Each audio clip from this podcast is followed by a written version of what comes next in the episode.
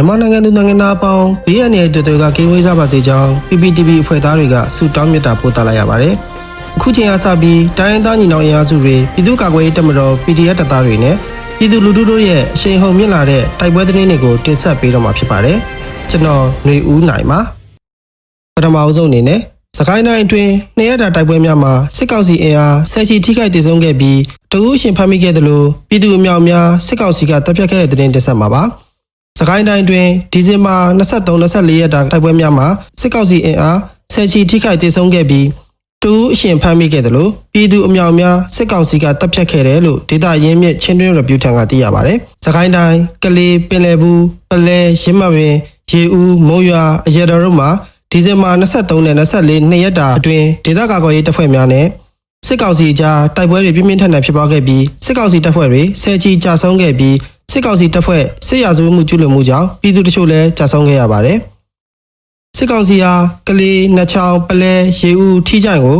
ရဟတ်ရင်နဲ့အုံပြပစ်ခတ်တိုက်ခတ်ခဲ့ပေမဲ့မြေပြင်တိုက်ပွဲတွေမှာအကြအဆုံးများနေစေလို့ဒေသကာကွယ်ရေးတပ်ဖွဲ့တွေကဆိုပါတယ်။လေကြောင်းပစ်ခတ်မှုကြောင့်နှစ်ချောင်းမှာ9ဦးရေဦးမှာ9ဦးထီးချိုင်းနဲ့ခင်ဦးမှာစစ်ကောင်စီရဲ့ပစ်ခတ်မှုကြောင့်အပြစ်မဲ့ပြည်သူ2ဦးအပါအဝင်ပြည်သူတွေလည်းကြာဆုံးခဲ့တာပါ လက်ရှိလဲစကိုင်းတိုင်းတစ်ခွင်လုံးစီးရေးတင်းမှလျက်ရှိပြီးစစ်ကောင်စီတွေလည်းထိုးစစ်တွေဆင်မှုပြင်ဆင်နေပါတယ်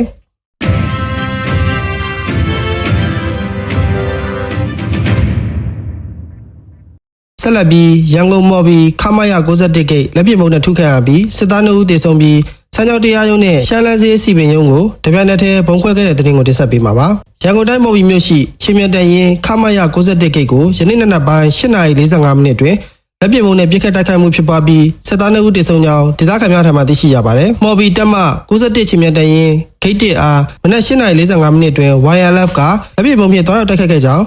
ယခုထိလမ်းများပိတ်ဆို့စစ်ဆေးခြင်းဆိုင်ငယ်များစစ်ဆေးခြင်းနဲ့တက်အတွင်းဂိတ်ပါပိတ်သွားကြောင်း YLF ကပြောပါတယ်။အလားတူယနေ့ဒီဇင်ဘာ25ရက်နေ့နနက်10:00နာရီအချိန်ဗမာလူငယ်ကွန်ရက် UG နဲ့စမ်းချောင်းမြို့နယ်ပြည်သူ့ကာကွယ်ရေးတပ်ဖွဲ့တို့ပူးပေါင်းစစ်ဆင်ရေးအဖြစ်ဗမာလူငယ်ကွန်ရက်က စမ်းချောင်းမြို့နယ်တရားရုံးကို၎င်းစမ်းချောင်းမြို့နယ်ပြည်သူ့ကာကွယ်ရေးတပ်ဖွဲ့ကရှမ်းလန်းစီတောင်ငံစီမံရုံးကို၎င်းတပန်တစ်ထဲဖောက်ခွဲတိုက်ခတ်ခဲ့ကြောင်းသတင်းထုတ်ပြန်ပါတယ်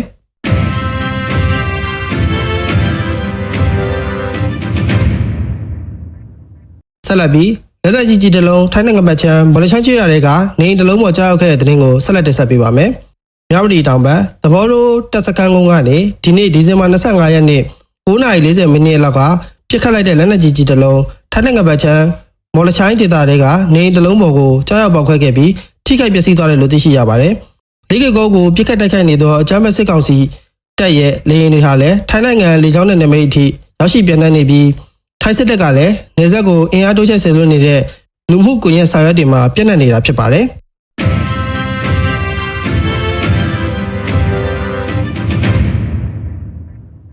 ဆက်လက်ပြီးဒေဂီကောဒေတာကိုအကြမ်းဖက်စစ်ကောင်စီက သုံးရက်စတိုက်လေကြောင်းမြေတိုက်ခိုက်မှုတွေပြုလုပ်ရက်သားတွေတည်ဆုံးတရားရရှိမှုတွေရှိနေတဲ့တဲ့တင်ကိုဆက်လက်တင်ပြပေးချင်ပါတယ်။ဒူပလာခရိုင်လေကီကောဒေတာကိုအကြမ်းဖက်စစ်ကောင်စီတပ်တွေကဒီဇင်ဘာ23ရက်ကစတင်ပြီးလေကြောင်းတိုက်ခိုက်မှုတွေဆက်လက်ပြုလုပ်ခဲ့ရာရက်သားတွေတည်ဆုံးတရားရမှုဖြစ်ပွားခဲ့တယ်လို့ဒေတာကန်သတင်းရင်းမြစ်တွေစီကသိရပါတယ်။လေကြောင်းနဲ့ဘုံစတင်တိုက်ခိုက်ခဲ့ရာဒီဇင်ဘာ23ရက်နေ့10နာရီဝန်းကျင်နဲ့ဒီဇင်ဘာ24ရက်မွန်းလွယ်4နာရီဝန်းကျင်တို့မှာရဲသားတွေထိခိုက်ဒဏ်ရာရရှိမှုမရှိခဲ့ပေမဲ့လည်း ဒီဇင်ဘာ25ရက်ဘုံကျတိုက်ခိုက်မှုမှာတော့ရဲသားတွေတေဆုံးဒဏ်ရာရရှိခဲ့တာဖြစ်ခဲ့တယ်လို့ဆိုပါတယ်။ကရင်သတင်းဌာနတစ်ခုဖြစ်တဲ့ KIC ကတော့လေကြောင်းပစ်တာကိုမိုးလက်တနာရီလောက်ကစတင်ခဲ့တာဖြစ်ကြောင်းနဲ့ပြည်သူတွေနေနေရာကိုအဓိကပစ်ခဲ့တာလို့ရေးသားထားတွေ့ရပါတယ်။အကြမ်းဖက်စစ်ကောင်စီက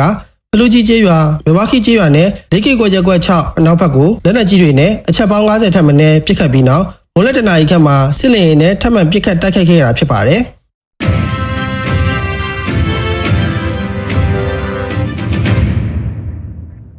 နောက်ဆုံးအနေနဲ့မြို့သားညီညွတ်ရေးအစိုးရပြည်ထောင်ရေးနဲ့လူမှုကြီးကြပ်ရေးဝန်ကြီးဌာနကဒီဇင်ဘာ25ရက်နေ့နဲ့ထုတ်ပြန်ခဲ့တဲ့ပြည်သူ့ခုခံတော်လှန်စစ်တရင်ချက်လက်တွေကိုတင်ဆက်ပေးမှာဖြစ်ပါတယ်။အာဏာသိမ်းအကြမ်းဖက်စစ်ကောင်စီ၏ပြည်သူလူထုအပေါ်အကြမ်းဖက်ဖိနှိပ်ဖမ်းဆီးတိုက်ခိုက်တပ်ဖြတ်နေမှုများကိုပြည်သူလူထုတရက်လုံးကအသက်ရှင်နေရေးအတွက်မိမိကိုယ်ကိုမိမိခုခံကာကွယ်ပိုင်ခွင့်အရာ